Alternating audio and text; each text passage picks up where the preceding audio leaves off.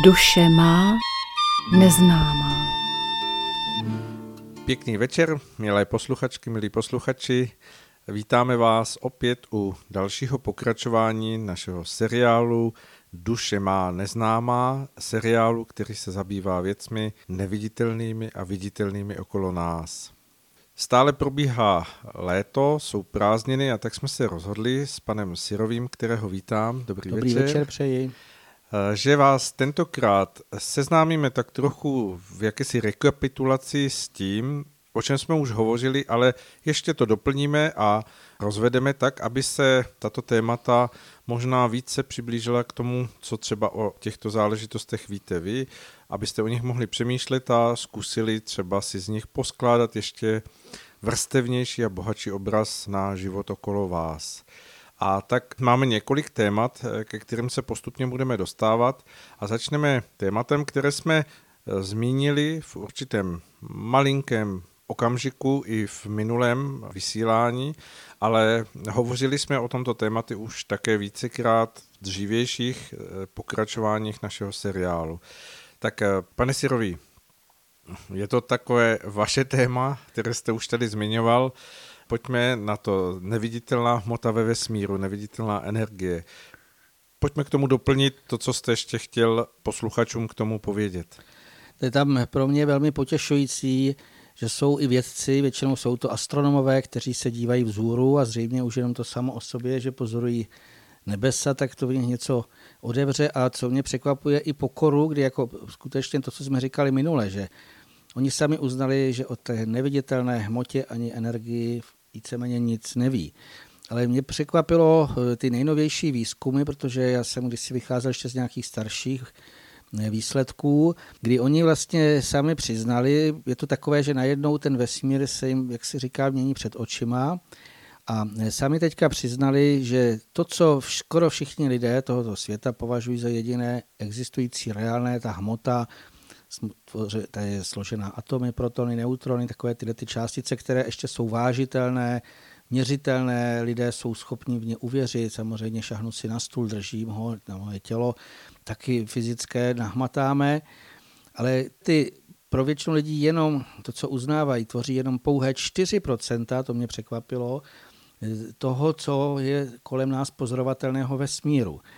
20% uvádí, že v podstatě je takzvaná neviditelná, neboli ten vědecký svět teda používá ten výraz temná hmota, ale je to právě neviditelná hmota. A zbytek tvoří takzvaná neviditelná nebo temná energie. A oni sami říkají, že my o ní nevíme vůbec nic. A přiznali, že budou muset naprosto přehodnotit, až pochopí vlastně zákony nebo to, co tyto energie, jaký mají funkce, jaký, na čem jsou založené, že budou muset naprosto přehodnotit skutečně to současné, na čem vlastně je postavená současná věda a o co se vlastně opírá. To znamená, tyto výsledky, o čem my se tady bavíme v těch pořadech, proto já to chci zdůraznit, že někomu by mohlo připadat, proč se bavíte o něčem neviditelném, tak to neviditelné, prosím vás, je podle vědeckých výzkumů oficiálních tvoří 96 toho, co vlastně může pozorovat ten člověk v tom vesmíru. Tak to je takové jako pro mě i potěšující, že najednou se to už i o tom veřejně píše. 96% to je opravdu hodně a já si uvědomuji to, že z toho vyplývá, že ta hmota tím, že je jen složitě zachytitelná nebo prakticky vůbec změřitelná, dává nabídnout k zamyšlení to, že to jsou jemnější pokračování té naší materie, té skutečně hmatatelné, změřitelné. A že možná je to tak, že z toho množství v tom poměru vyplývá to, že to jsou jakési prostory k tomu, aby se v nich formovaly ty první světy a první krajiny a první prostory, které čekají na mnohé z lidí, když opustí pozemské tělo, tak přechází do těchto jemnějších hrubohmotných sfér, ve kterých vlastně na ně čeká první jakési záchytné stanoviště, které třeba i dříve bylo nazýváno očistcem a, a, a podobně. A proto je v tom poměru té hmoty takové obrovské množství, protože pro každého je tam tvořena přesně ona krajina, přesně takový prostor, jaký vyžaduje to první jeho zachvívání, když opustí pozemské tělo. Jak se na to díváte? Je to určitě, i ta, můžeme se na to dívat, ale kromě toho takzvaného očistce jsou to i ty světlejší už pro mě e, úrovně, ale v podstatě, když se podíváte na lidské tělo, to o čem se o duši, tak pokud pozorujeme nebo hrubohmotným zrakem člověka, vidíme, že má nějaké tělo. Pokud někdo aspoň malinko vidí třeba takzvaně auru, tak čím hlouběji nebo čím jemněji vidí, tak on to může popisovat, že to najednou tvoří kolem toho člověka někdo řekne půl metru a někdo několik metrů. Vlastně je to nějaké okolí jemnohmotné nebo jemnější hmotnosti, aby jsme to dali obecněji. A e, prostě ono všechno je vyplněné. To znamená, pokud jsou dva lidé mezi sebou a my si myslíme, že je tam jenom vzduch, ale není tam jenom vzduch. Všude vlastně je ještě něco navíc, co pouze my nejsme hrubohmotně schopni vidět, ale přesto ono to existuje. Víte, do toho patří i to, co jsme si říkali v minulém díle, říše všech bytostí, ať už přírodních bytostí, ať už lidmi vytvářených bytostí, vlastně to, co je nejblíž, tak to je všechno v tom takzvaně neviditelném světě a je to v naprosté převaze. Proto vlastně spíš bychom si měli uvědomit, že ten náš hmotný svět, který se ho někdo tak drží křečovitě, tak že to je opravdu jenom malinká část reality. A já vidím velikánskou budoucnost, to, co vlastně i ty samé věci najednou uznali, v tom, jakmile budeme poznávat zákonitosti těch jemnějších hmotností, které na nás působí a v podstatě je to i oblast duše. Jo, když bych to vzal, je to všechno, co je teoreticky kolem nás, ale není to vidět hrubohmotnými prostředky. Je to tak, že svým způsobem tento ostupínek jemnější svět, než je naše materie, hmoty, kterou vnímáme teď jako, jako faktický fyzikální eh, svět, který mnozí považují za jediný existující svět, tak je prolínající se s tím pozemským světem a proto i mnoho z těch, kteří odchází z toho pozemského světa, zůstávají v tomto jemnějším světě a přesto si, se domnívají, že jsou pořád jakousi součástí tohoto našeho pozemského světa, takže v něm snadno právě v, těch, v tom ohromném množství procent toho poměru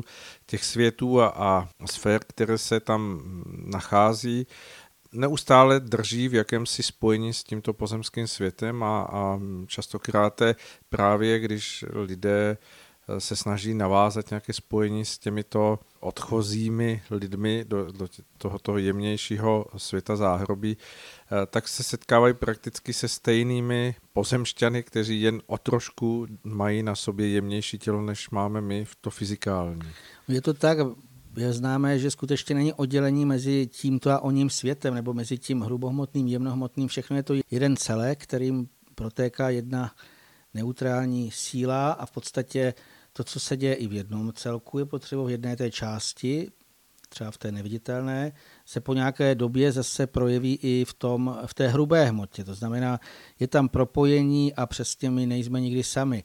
Pokud někdo zemře, já už kolikrát jsem o tom povídal i na přednáškách, tak je to pouze tím, že to hrubohmotné tělo teda se skácí k zemi, ale ta duše je klidně tam vedle. Přímo to není nic, že by byla i hned nějaká změna, že by letěla. Samozřejmě jsou případy, kdy jako jdou i hned někam do jiných úrovní, ale většině případů ta duše prostě je ještě vedle těla a teprve po nějaké době se uvolní. To znamená, je to pouze na tom, jak my dokážeme vnímat. Není tam žádná hranice nebo oddělení. Je to taková mezizastávka, ve které se buď může každý z nás držet buď chvililičku, než eh, pro něho skutečně přijde ten paprsek, který uměrně jeho vnitřní čistotě a zralosti mu umožní, aby skutečně vystoupal do těch sfér, které mu náleží, ke kterým on eh, svojí stejnorodostí je přináležící. A nebo na této zastávce, kde když to přiblížíme, je takové očekávání toho, co se otevře dále jako nejbližší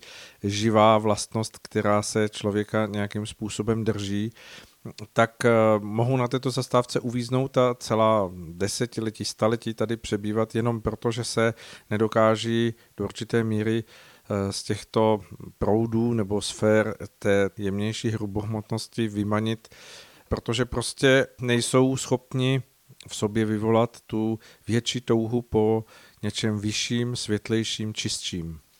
Ale kromě toho já bych tam ještě dal jednu věc, jako ta naprostá nevědomost o tom, že existuje nějaký jemnější svět, onen svět, Většina těch lidí nebo poměrně hodně duší vůbec nepozná, že zemřeli. Oni to nechtějí ani přiznat nebo připustit si, protože všechno ještě tady vnímají, vidí, posuzují. A e, pro mě jako tam je nesmírně důležité, aby člověk už tady na tomto světě dokázal chápat tyto souvislosti, že máme prostě nějaké duševní záhaly, i třeba kam máme jít skutečně, aby jsme už vědomě směřovali vzhůru k nějakým těm světlejším úrovním, nedrželi se tady té předchozí kultury mnohé, pro ně byl úplně jiný vztah eh, k smrti. Oni věděli, že něco existuje. Když se podíváte na téměř všechny, jenom to, co se zachovalo třeba písemně, tak eh, konkrétně, ale teď nechci prostě vás naprosto ty knížky propagovat, ale spíš je to ukázka toho, kolik kultur si o tom skutečně už se snažilo nějakým způsobem už tady na zemi získat informace. Tibetská kniha mrtvých, egyptská kniha mrtvých a mnozí další. A v podstatě velmi často eh, bylo už předem jako těm lidem eh, během života vštěpováno, když zemřete, vaše duše někam odchází a musí ještě překonávat to či ono. A to dnešní civilizace, dalo by se říct, cíleně potlačuje v lidech, pouze jim vnutí, že jediná realita jsou ty 4%, kteří věci sami uznají, že to je minimální a pokud někdo odejde s tímto přesvědčením, myslím tím, že teda tato jediná je hromotná realita, tak je jasné, že se ztratí tam, nebo že uvízne, že to není právné proudění, aby teda skutečně už tam šel jako vědomý duch, který ví, že odchází někam. Jo? Už to je, jeho bytí pokračuje a před ním se otevírá cesta, po které úměrně tomu, jak usiluje o vyšší hodnoty vnitřní eh, cnosti, jak jeho zralost odpovídá tomu, aby byl schopen přijímat mm, vyšší záření světla.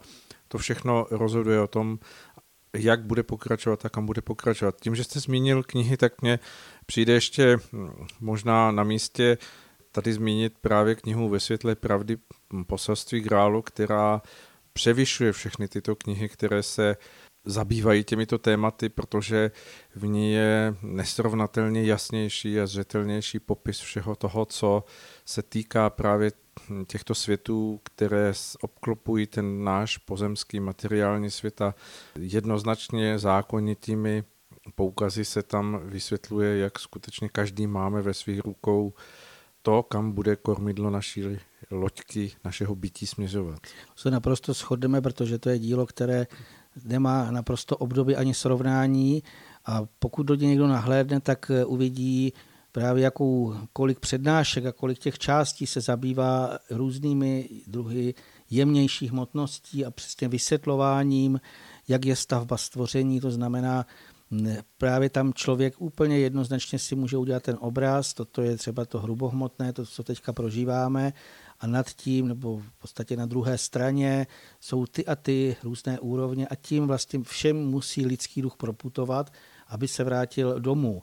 Takže samozřejmě tam ty knihy, co jsem dával, to bylo spíš jenom z hlediska minulosti, ale pro naší dobu už jediné to, co dává ucelené vědění, které už jsme tady jeden pořad jsme tomu věnovali, já jako prostě nás bývalý exaktní vědec jsem v tom nenašel naprosto jednu jedinou nějakou nesrovnalost, že by si něco odporovalo. Pro mě to má jasnou logiku a to je eh, skoro to, co mi nejvíc jako eh, přesvědčí, protože eh, samozřejmě, když člověk to, to pochopí, tak najednou je mu naprosto jasný, dokonce i to, co se teďka děje v současné době. Víte, mnoho, mnohokrát jsme se zmiňovali k tomu, možná teďka bychom se ještě měli i přesunout co se vlastně děje, protože právě v poselství Grálu byly mnohé věci předpovězeny, které se teďka dějí.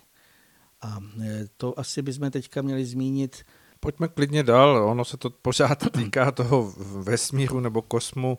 E, jedná se o záření, které proudí k Zemi a které mohou mnozí lidé asi pocitovat, vnímat takřka hmatatelně na sobě, že skutečně se něco děje a není to jenom teď vlastně v proběhnuvších letních měsících ono hm, pálení, záření slunce, teplo, které by vycházelo jenom z toho žhavého slunečního kotouče, ale mm, všichni vnímáme, že ten určitý tlak a proudění mm, okolo nás se eh, nesmírně zesiluje a že mnohé věci získávají v jakémsi tlaku daleko větší napjatost a to je velmi, velmi zajímavé asi také zmínit jako další bod našeho povídání. Je to tak, protože tam eh, pro většinu lidí právě v poselství králu je nádherně popsáno, že je jakási neutrální boží síla, která proudí celým stvoření a lidský duch, my si ještě povíme vůbec na začátku správně, on má přijímat a zužitkovávat. Mají zužitkovávat jak pro tělo, duši i svého ducha. Ale určitou část toho záření má předávat dále a má i ho vracet do těch jiných, světlejších, jemnějších úrovní. A tím vlastně, že by zpracovával to záření, by se zavřel nějaký ten koloběh. A kdyby takto působila většina lidí, tak v podstatě to sluníčko není spalující. Sám autor poselství grálu i předpověděl, že se zvýší teplota, že v našem pásmu bude mnohem tepleji. Můžeme si představit nějakou teplotu kolem toho středomoří, ale v podstatě samo o sobě, kdyby lidé správně zpracovávali tu sílu neutrální a kromě toho, kdyby nebyl ten rozum, tak vede tu cest, těmi cestami vlastně všechno, co děláme, je podřízeno ve většině lidských činností rozumu vypočítavému a vlastně vychází z toho, že se ta síla místo, aby budovala, aby pomáhala, že nás potom spaluje. Ona, když jste si všimli, spaluje rostliny. Viděl jsem na zahrádce a jiní mi to potvrdili, že skutečně ze žloutnou udělají se tam dírky. V tom. Samozřejmě to je jeden z dopadů. Může se to i vztahnout k tomu suchu, protože ten problém není, že tolik svítí sluníčko, ale že řádně neprší. Mně tam přišel takový obraz, jak se říká suchopárný rozum, tak suchotvárný rozum, protože právě ten pokřivený, ten odklon toho rozumu od toho přirozeného způsobí, že tolik věcí děláme špatně od toho, že je tu málo stromů, že stavíme nějaké betonové nebo asfaltové, asfaltované plochy, kde potom eh, ty, v době, kdy jsme to natáčeli, tak byly ty samozřejmě obrovské horka a ve městech až 70 stupňů, to si člověk neměl představit. Tam, kde je sluníčko a je vždycky je ten rozdíl, tam, kde je strom, tak je to jakž takž eh, ještě schované, jinak u toho sluníčka, prosím vás, eh, že se to někdy vede chybně, že se řekne takový ten pojem buď globální oteplování, nebo že sem proudí vzduch ze Sahary. Pro mě, alespoň já tak chápu, je skutečně prvotní nesmírně zesílený tenhle ten tlak té síly, která přes to sluníčko jako je transformována a to, jak to vytváří to sluníčko mnohem víc, je vidět i tehdy, když eh, je třeba mnohem víc než 30 stupňů a přijde mrák, zatáhne se a najednou o 10 stupňů klesne teplota. I v těch městech, přesně jak to je pod stromem, je třeba 30 stupňů, tam, kde nejsou stromy, 50 stupňů. Znamená, ta intenzita, vlastně ten prapůvod je, že to z hůry proudí s obrovskou měrou. A teďka my, aby jsme protože většina lidí to necítí. Teďka bavíme se o těch lidí, kteří berou tu hrubou hmotu, tak oni tohle to nepochopí, tak se nám to musí ukázat jako spalující sluníčko. Dopady toho spalujícího sluníčka, teď nevíme, jaké to bude v době, až se odvysílá tento pořad, ale v době, ještě předtím jsme se připravili na pořad, tak bylo neuvěřitelné to, co se vůbec jako ani pořádně lidé nedoví, jak začala hořet téměř celý sever, Sibiř. Obrovské plochy Eh, lesů. Doslova to dali něco, to je naprosto bezprecedentní, že posledních deset tisíc let nic podobného nebylo. Grónsku, Arktida. Eh, na, na různých místech byly veliké požáry, které nikdy nebyly, protože tam jaksi veliké teplo, vyschne to. I na Sibiři se říkalo, že asi přes 30 stupňů horký vzduch. A to jsou vlastně dopady toho, že my lidé skutečně jsme nepochopili a teďka nám doslova i bytostní chtějí ukázat, že už se něco děje. Víte, je důležité, aby lidé skutečně začali vnímat alespoň nějakým způsobem, protože eh, Přestože zajímavé právě je, že vědci někteří to přiznávají. Tam ještě tady vlastně jsem našel jednu zprávu, která mě velmi překvapila. To už jsou zase oficiální vědecké studie, grafy, kdy od roku 2014, eh, vlastně 2015 až do roku 2019 měří tok kosmického záření a říkají, že se téměř zdvojnásobil. Oni to vlastně spíš eh, měří kvůli kosmonautům, protože najednou kosmonauti už nemůžou moc do mezivězného prostoru, protože to záření už je tak silné, že po nějaké době to může skutečně vyvolat i onemocnění. A tohle jsou vědecké důkazy. To, že v podstatě najednou je obrovské horko, potom ty extrémy, víte, tam někdo si řekne, no jo, ono prší, ale samozřejmě je to v tom většinou extrémním. Kdysi dávno už to je, myslím, kolem 30 let, vyšly první zprávy, kdy klimatologové dělali studie a říkali, pokud půjdeme tou cestou, budou veliké teplotní extrémy. V dnešní době to zjednodušuje, že se řekne jenom je teplo, ale tady jde o ty extrémy. O to, že najednou jsou někde obrovské bouřky, kroupy jako pomeranče, to eh, si ani člověk nebude představit, co to, jak je to asi veliký kus ledu. To vlastně najednou vidíme místa, kde má pršet, neprší a najednou někde spadne tolik vody, že to udělá bleskové záplavy Všechno jsou to ukázky doslova pro nás, aby to nás lidské duchy vyburcovalo z toho spánku, aby prostě nám eh, už na poslední chvilku řeklo skutečně proberte se a zhlédněte vzhůru. Něco se děje. Hm, asi je na místě znovu a znovu připomínat to zpracovávání této přicházející síly, protože všechno značí na tom, že na jednu stranu přibývá lidí, na druhou stranu eh, se asi dá hovořit o tom, že se radikálně zmenšuje počet lidí, kteří jsou schopni svým vnitřním nastavením zpracovávat toto proudění eh, právě tak, aby mohlo být odváděno zase zpět jako, jako děkovná modlitba nebo jako mm, jakési díku vzdání eh, stvořiteli za tu možnost našeho bytí. A v tom vzniká ten konflikt narůstajícího eh, pnutí, protože samozřejmě se tato energie někde schromažďuje, někde zůstává a zůst, proměňuje se v tom zpracování těch eh, přírodních bytostí do, do těch forem jakýchsi extrémností, které se vybíjejí potom právě v těch meteorologických nebo klimatických změnách. Je zajímavé třeba zmínit, že britský telegraf zmiňoval v souvislosti s tím, Eh, hořícím pásem toho, toho severního kruhu, eh, kde mm, se jedná vlastně nejenom o Sibiřu, ale Jašku a, a části těch severních eh, pevnin, kde skutečně teploty v tom letním období dosahovaly kolem 30 stupňů a vznikaly samovolně požáry při přeháněcích se bouřkách, kdy třeba blesk zapálí strom, ale začne o toho hořit ohromná plocha lesů, že jen za dva měsíce těchto požárů se vyprodukovalo tolik eh, oxidu uhličitého, které právě třeba Česká republika se svým průmyslovým provozem a veškerým automobilovým provozem Eh, vyprodukuje za celý rok, takže to znamená, že zase dochází k jakési kumulaci toho všeho, mm, co se nakonec znovu a znovu ještě extrémně odrazí do toho eh, celého běhu klimatických změn.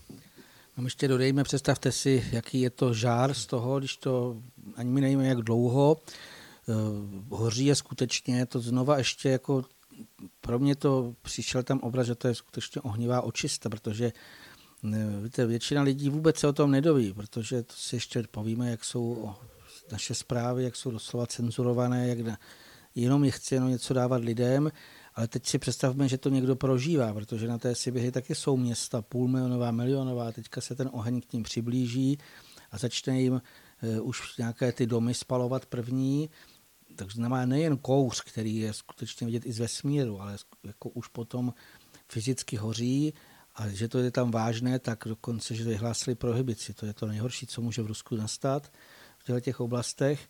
A jednoznačně v podstatě se prožívají to, ty lidé podle mého názoru nesmírně musí bolestně.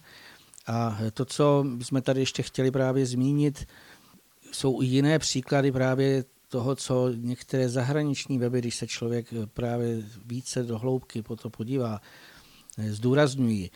Konkrétně třeba v polovině, kolem poloviny července, po polovině července proletěl kolem Země velmi blízko, byla to jedna pětina vzdálenosti Země měsíc, asteroid asi 100 metrový.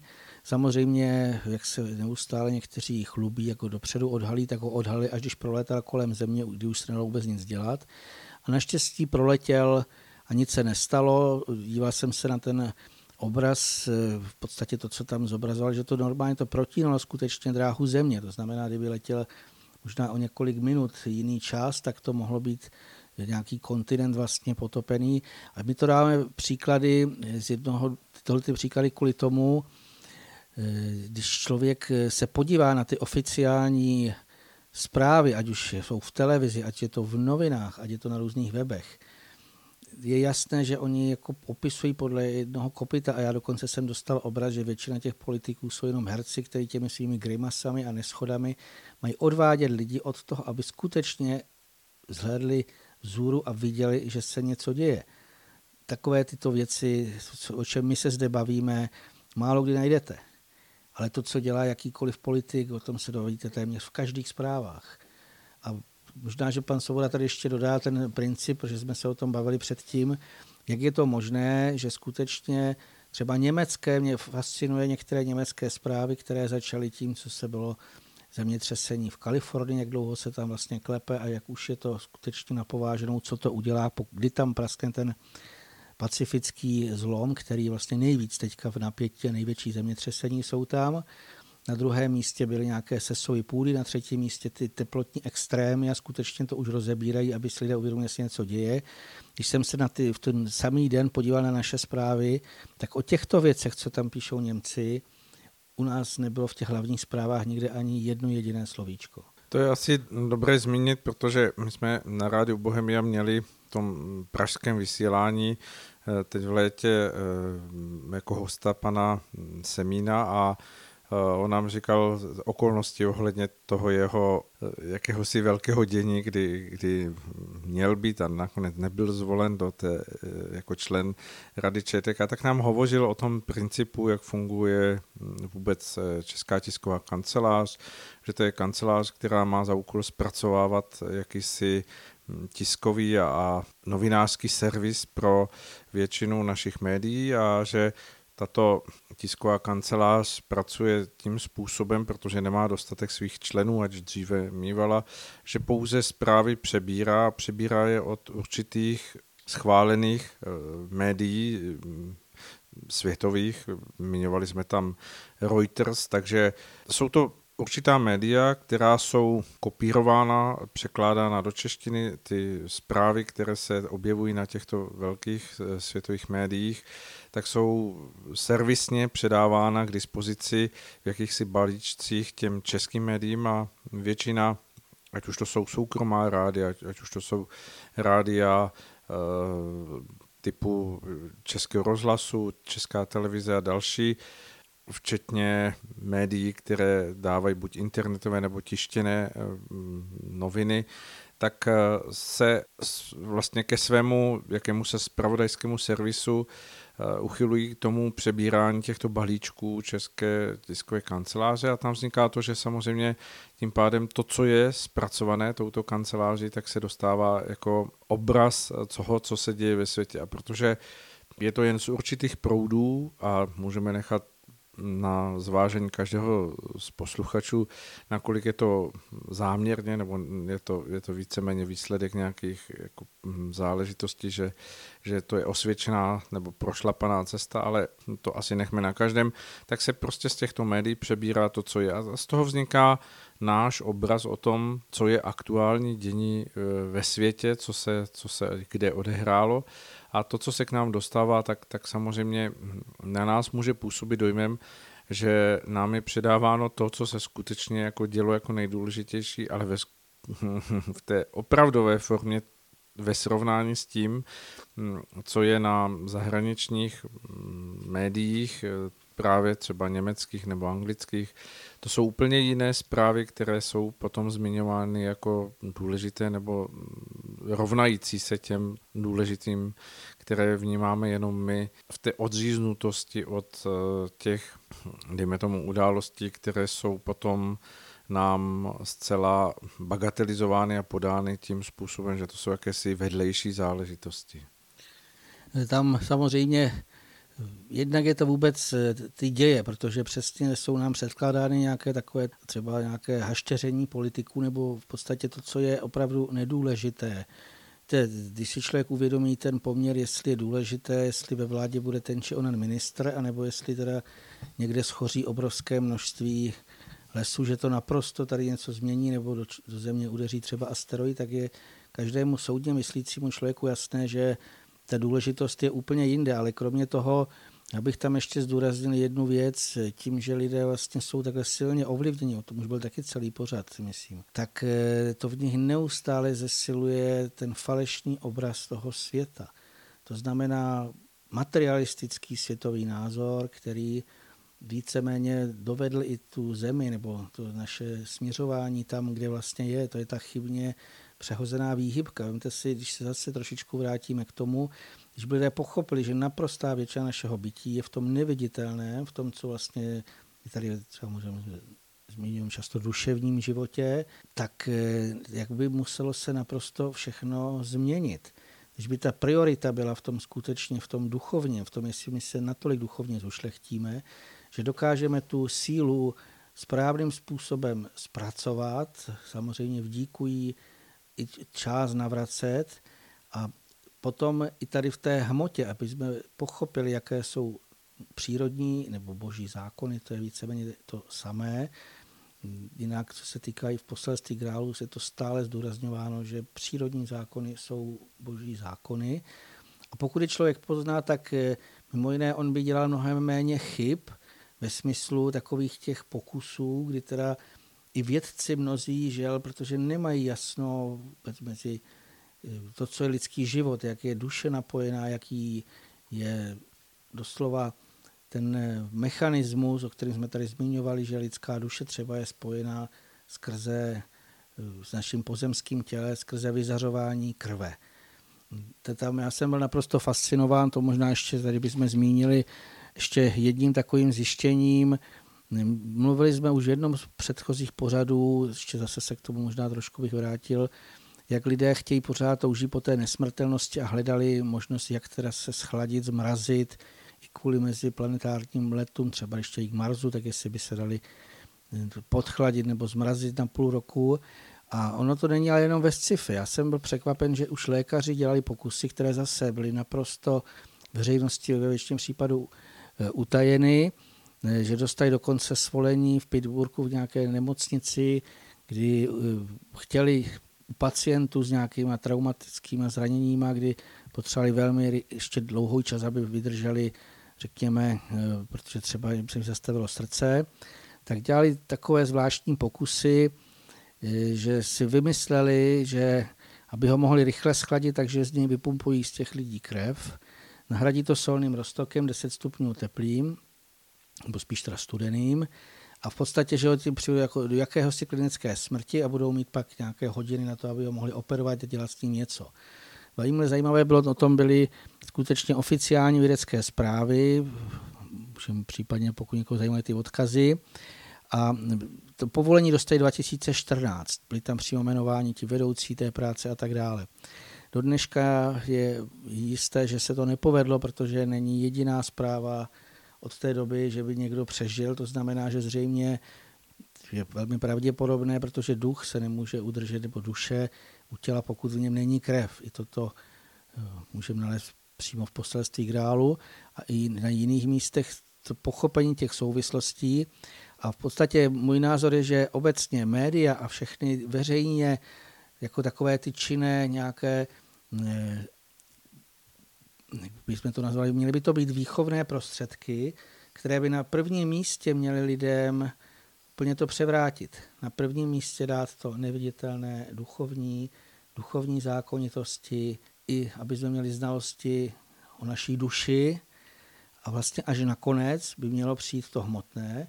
A to platí pro jakékoliv dění. A můj názor je, že i lékařství a jiné vědy by najednou dělali méně těch metoda pokus omyl, ale skutečně už by cíleně to směřovalo k nějakému tomu povznesení a víceméně k tomu, co my bychom zde na té zemi měli dělat správně jako liští duchové.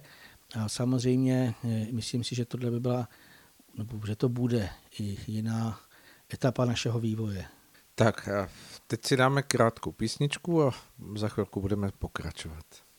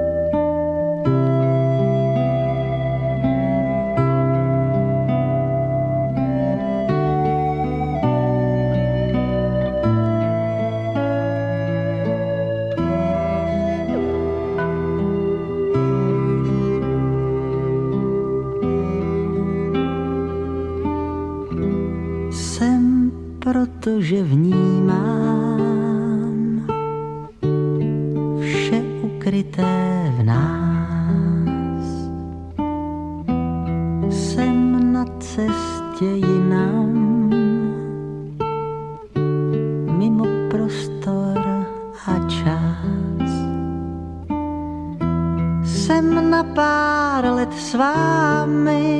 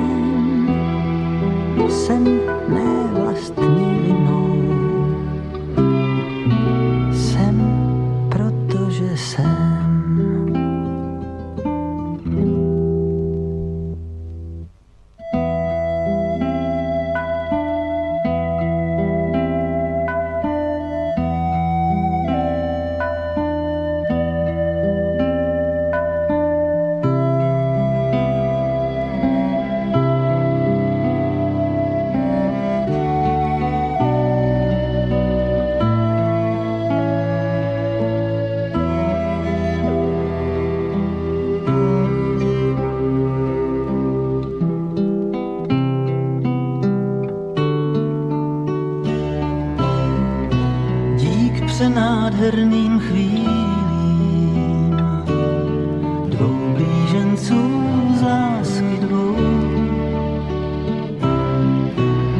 Já s vámi život sdílím, já jsem tady já.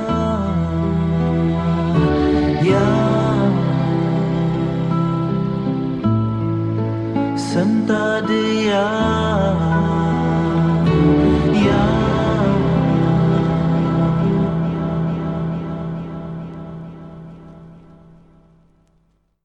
Vítáme vás opět zpátky po písničce u našeho vysílání pořadu Duše má neznámá. Sedíme tady u mikrofonu s panem Vítem Sírovým a hovoříme v jakési rekapitulaci o věcech, o kterých už jsme se zmiňovali v předchozích dílech a vracíme se k některým detailům proto, abychom je buď rozvedli, nebo abychom jim ještě dali nějaké doplnění, které mezi tím pan Sírový získal a chce se podělit s posluchači o tom, že vše je možné nějakým způsobem ještě zdetailňovat nebo doplňovat.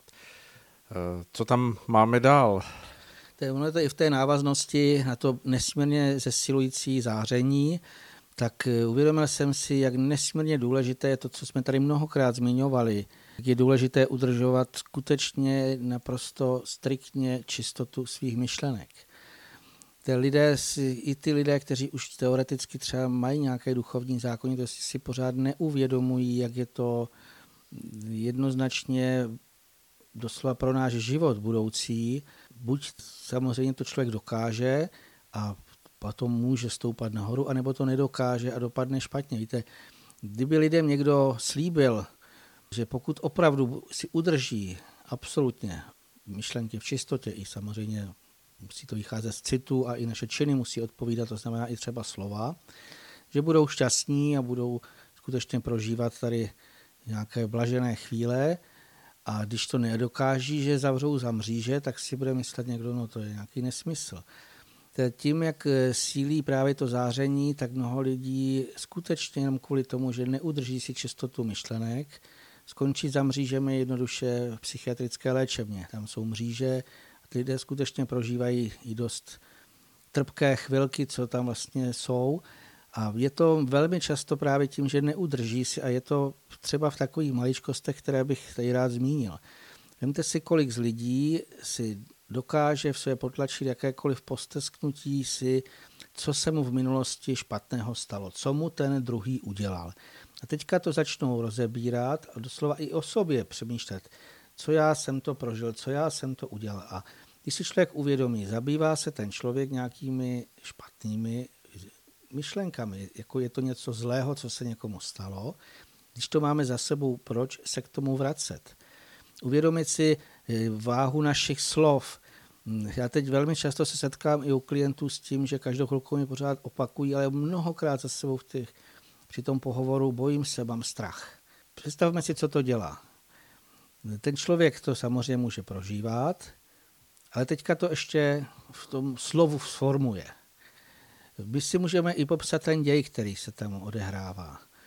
Víme, když svezeme v těch správných třeba léčebné postupy, které léčí hudbou, které léčí krásnou četbou a mnoho takových metod, že se tím působí na astrální tělo, to znamená jeden obal náš duševní, který je velmi důležitý, je velmi blízko. A velmi často právě takovéhle, jak v myšlenkách, tak potom, že se to sformuje ještě to slovo, to má větší pádnost, se doslova poškozují a narušují astrální tělo střední hrubohmotnosti, dělají si tam ty lidé doslova jako rány a odevírají se těm vlivům. A teďka ještě, aby jsme si ale popsali všechny ty děje, které probíhají. Pokud někdo se zabývá něčím opravdu ošklivým, špatným, tak zaprvé on vytváří jako by ty formy podobné. Prostě mluví o tom špatným, vyšle tu formu, to znamená, za to je zodpovědný. Na základě přitažlivosti stejnorodého se k tomu přidruží podobné formy, které zase zpětně na něj působí a zesilují v něm ty stavy. A když bych se ještě zmínil o tom strachu, tak eh, mě velmi překvapilo, jak se to opravdu doslova už projevuje i v takových až neuvěřitelných věcech. Byla studentka, která dělá diplomovou práci v oboru psychiatrie a měla určité téma, to samozřejmě můžeme zase nějaké podklady. A když to konzultovala se svou vedoucí, tak najednou ji začala popisovat, protože asi často té psychiatrii, že se bojí, že se jí ztratí data, jaké má strach, jestli správně ukryje identitu těch postižených a tak dále.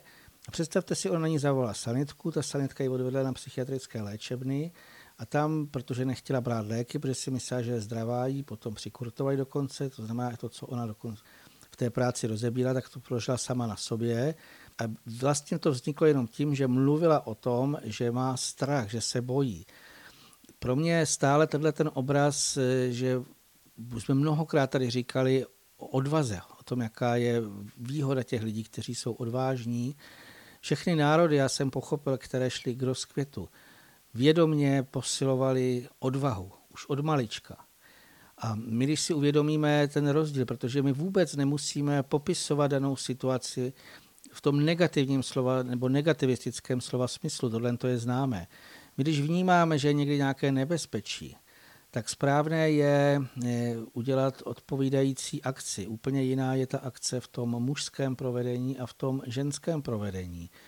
Když bych se tady ještě zmínil konkrétně o tom, o té výchově, tak já jsem přesvědčen, že je samozřejmě mnoho druhů literatury a tak dále, ale obrovskou výchovnou takovou, řekněme, hodnotu mají i takové ty staré, moudré pohádky. A mě vytanula taková ta známá pohádka, myslím, že ji skoro každý viděl, princezna se zlatou hvězdou na čele.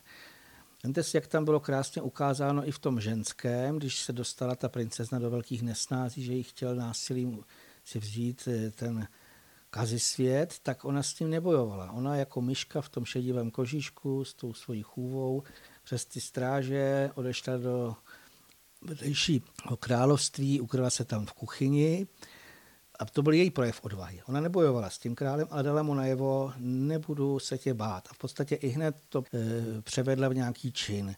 Pak ten krásný závěr, když ten, myslím, že král Miroslav se jmenuje, když teda se utkal s tím kazisvětem, samozřejmě jako ve správných pohádkách, od malička jsem měl nesmírně dělat pohádky, kde byly meče, rytíři a kdy teda se jako opravdu šermovalo tak přemohl vždycky toho zlého, vyhnal ho z toho království. A vidíte tam eh, už v takových těch od úplně nejmenších dětí, tohle má být vštěpováno, jaké výhodě je ten odvážný. To znamená, mají to samozřejmě jiné ženy, mají to jiné muži. Pro mě ten obraz těch pohádek, vlastně jsem si uvědomil, že jsem se nejvíc díval na pohádky nejraději tam, kde byly ty princové, které měly ty meče, rytíři, třeba Bajeja, to byla moje ob, nesmírně oblíbená pohádka. Ale vidíte právě tam vždycky to, že vítězí ta odvaha.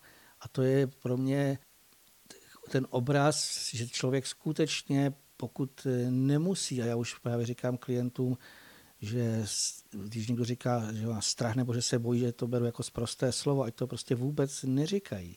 Pokud něco cítí, že nemají dělat, tak ať to nedělají. Pokud cítí, že mají něco změnit, ať proto něco udělají. Víte, když by se měl student bát před zkouškou, tak ve většině případů ji neudělá. Pokud cítí, že ještě to neumí, ať se to naučí, ať třeba odloží tu zkoušku. Ale stále skutečně jako je potřeba si uvědomit, že v tom, aby člověk udržel tu čistotu myšlenek, tak musí dokázat i takovéhle stavy nebo ty nepříjemná prožití, jak už jsem o tom mluvil, to musí skutečně velmi rázně zapudit ty stavy a kromě toho i terapeuté by měli pochopit, že je škodlivé jakékoliv terapeutické metody, kdy se cíleně chtějí vracet, dokonce někdy i v těch skupinových seancích, toho pacienta vracet do nějakého těžkého prožitku, aby on si ho doprožil a aby teda si to uvědomil teď si o tom chtějí povídat, to je jenom rozmělnění a je to stále přitahování toho zlého. Uvědomit si skutečně, ta čistota musí být i v tom, že člověk nepoužívá určitá slova a určité myšlenky, které nevedou nahoru, ale vedou dolů, tak se snaží maximálně jim zamezit. To bych eh, chtěl zdůraznit, protože právě protože sílí to záření, tak jsem přesvědčen, že mnoho věcí mi už si nebude moc dovolit to, co teoreticky jsme si mohli třeba před nějakým měsícem dovolit.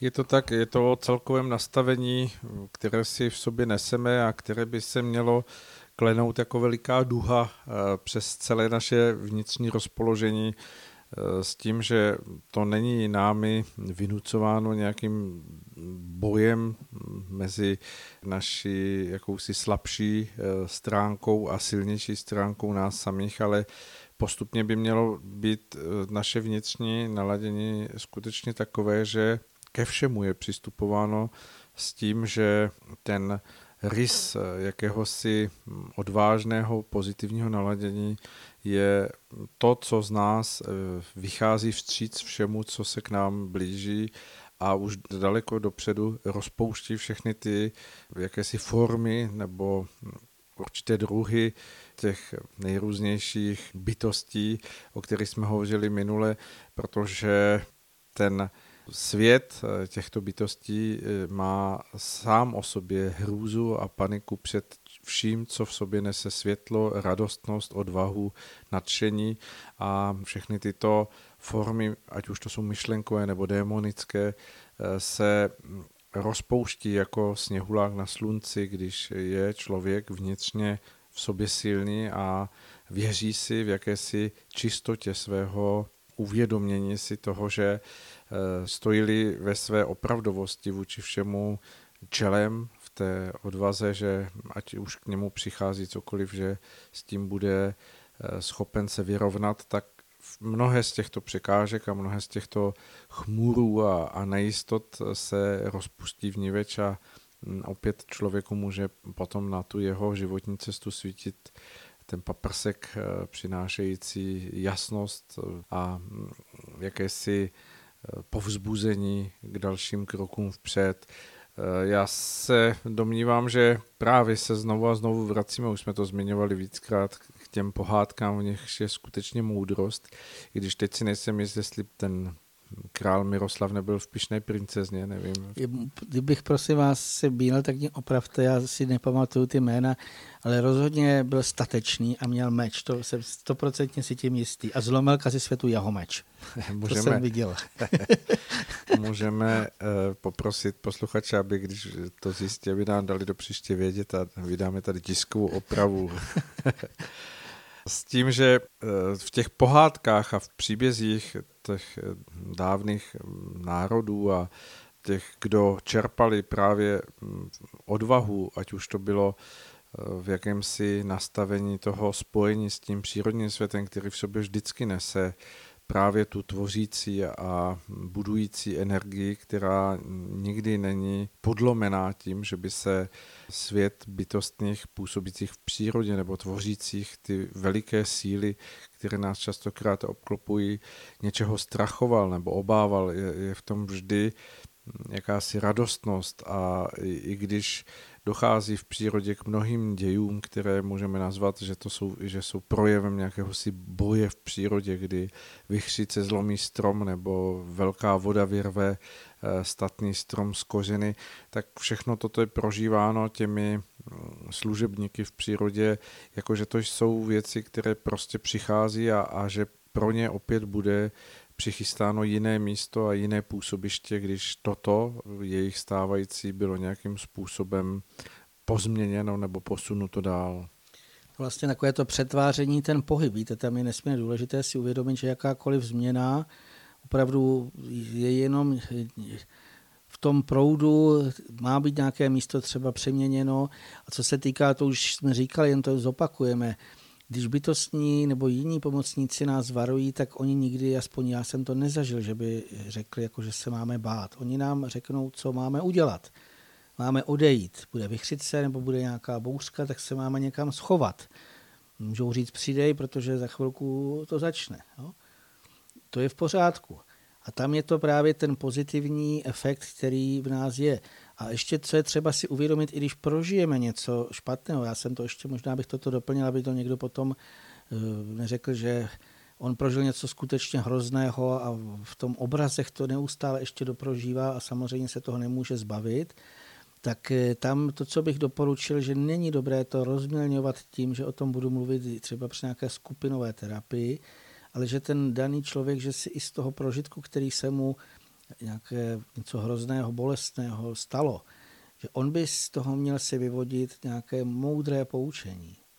Prostě neměl bych dělat to a to, aby vlastně pochopil, ne za to ve všech případech, ale velmi často právě pokud známe duchovní zákonitosti, pochopíme něco se nám stalo a právě velmi často je to i v té nedávné minulosti. Stalo se to proto, že ten člověk se začal strachovat, třeba začal dělat něco – Potom se mu skutečně si přitáhl do slova tu situaci, kterou potom prožil, bylo to něco bolestného, tak si uvědomit, že prvotní vlastně je vnitřní, ne rozumové, vnitřní prožití a pochopení toho daného stavu a vlastně výsledek toho by mělo být poučení.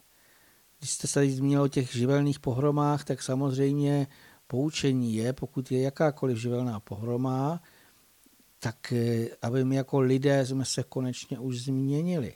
Ten odklon, který nastal skutečně naší vinou lidskou, to nemůžeme svádět na bytostné, se potom vybíjí v nějakých to, co se nazývá katastrofa. K tomu ještě přispívá právě ta slepota, hluchota lidí a potom samozřejmě tam můžou být i mrtví. Ale právě pokud by my jsme skutečně vnímali to varování, tak eh, předtím vůbec nemusíme mít strach. Prostě předem jsme upozornění, bude to a to. Udělej, že se třeba někde máš schovat. V pořádku, no tak se schovám, bouřka přejde, jdu ven a je krásný čerstvý vzduch a krásně to všechno umyté. A to vlastně je potřeba se naučit, eh, že ty, i, a pokud se stane, že teda skutečně nás ta bouřka někde chytne, tak ani nad tím se netrápit, eh, nevracet se pořád k tomu, ale vzít si z tohoto poučení, co jsem zanedbal, co jsem měl udělat lépe a pokud to dokážu odhalit, tak už to příště lépe udělat. Teď mně přijde, že mohou posluchači hovořit o tom, jestli nejsme v jakémsi rozporu, protože na začátku toho našeho dnešního povídání jsme hovořili o věcech, které když jsou v určitém způsobu nahlédnuty, tak mohou lidech zbuzovat jakési obavy nebo strach o tom, co přijde v budoucí době, tak možná je na místě, aby jsme tady zmínili to, že to není říkáno v tom směru, abychom vyvolávali nějakou paniku, ale naopak, jak jste vy zmiňoval, že je to jakési burcování k bdělosti toho, aby jsme se více zamýšleli o věcech, o kterých jinak eh, nepřemýšlíme a abychom to brali jako výzvu k hledání hlubších souvislostí, které propojují ten náš eh, pozemský život ještě s něčím vyšším, čím bychom se měli zabývat a čím se nějakým způsobem zabývat moc nechceme. Je to tak a ono totiž velmi zajímavé je, že ve v těch, těch zprávách, o kterých jsme mluvili, ať jsou to třeba veliké požáry nebo nějaké jiné katastrofy, tak velmi často najednou překvapivě i na těch veřejných těch byly moudré najednou zjištění, že se zjistilo, proto je třeba ve městech takové horko, že tam je málo zeleně. A teď byli mnozí i architekti, kteří chtěli už před lety, říkali, musí být hodně stromů a vlastně víceméně jim v tom bylo to vymlouváno, že to má ty a ty nevýhody. A teď najednou už konečně lidé začínají chápat. To znamená, je třeba vždycky tam hledat to pozitivní. Prostě něco se stane a mluvil jsem o těch požárech, tak eh, ve většině případů eh, tam ty lidé ještě naštěstí dokázali včas eh, uniknout. To jsou výjimečné případy a zase si myslím, že to je víc u těch zatvrzelých lidí, ať to je jedno, jestli už je to povodeň nebo něco jiného, kteří místo, aby si řekli, já to vypadá nějaké to počasí divné, radši někde se skutečně schovám, zaparkuju si auto na nějakém klidném místě, tak když to neposlechnou, tak se to stane, ale to není kvůli vyvolávání jakéhokoliv strachu, to je naopak spíš, abych to skutečně bral, jak jsme tady o tom se i zmínil, Eh, že už ten lidský duch se musí probudit, jako ať chce nebo nechce. A v tu chviličku, když se probudí, tak eh, ten strach nemůže pocitovat. On to přijme, jak to je. A v podstatě pochopí právě jako lidstvo. Příliš dlouhou dobu jsme se odklonili od toho správného směru a teď je potřeba zase, aby se to navrátilo, aby ta výhybka se přehodila na ten správný, na tu správnou kolej, a e, to někdy nejde jinak než e, přes katastrofy.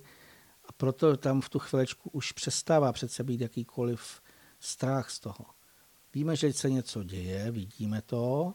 A vidíme, že teda skutečně, už jsme o tom mluvili v mnoha pořadech, není už za 5 minut 12, odbí 12. hodina a teď je to vlastně budíček pro lidského ducha on se má probrat a má pochopit. Pokud se budu zušlechťovat, pokud budu stoupat vzhůru, tak ať se tady děje v tom hrubohmotném cokoliv, tak právě on jako lidský duch může stoupat vzhůru a v podstatě to, co se tady naučí, co prožil, dokonce i co bolestného prožil, velmi často ho posune v tom jeho vnitřním vývoji, v duchovním.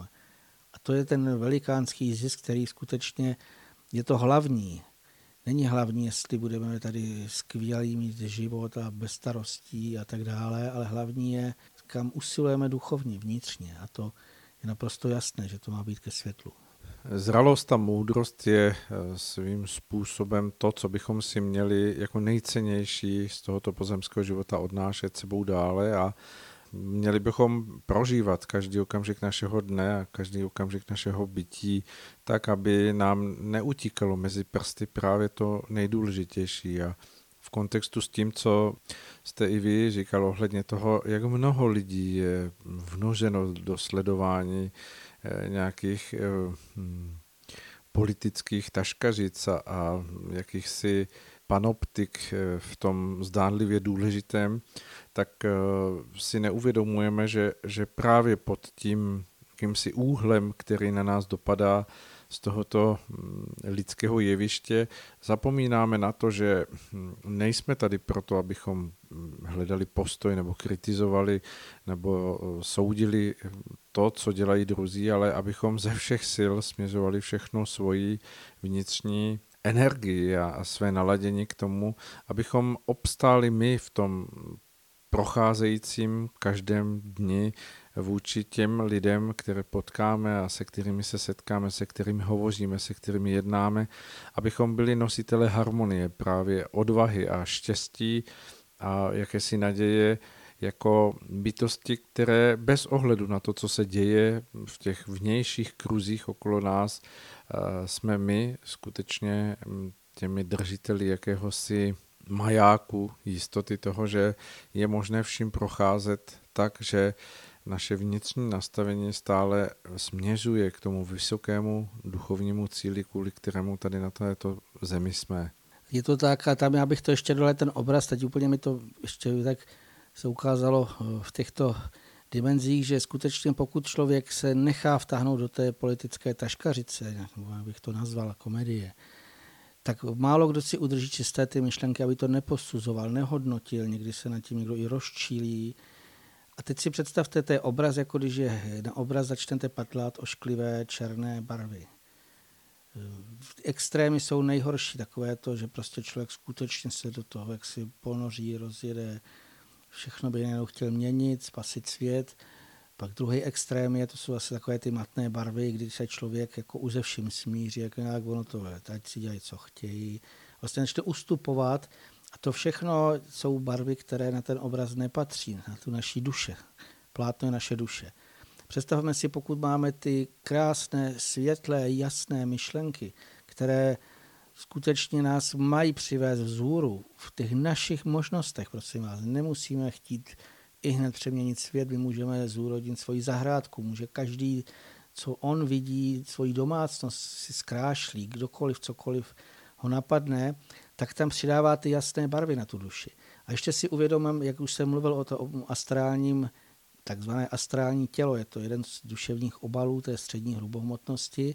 Čím více tam bude mít těchto světlých, nádherných odstínů a bude to jako takové ten hezký ucelený obraz, uzavřený, tím méně na nás můžou působit jakékoliv temné nebo nějaké nepříznivé formy, které by chtěli se nějakým způsobem do nás jaksi zakousnout, chtěli by nám ublížit.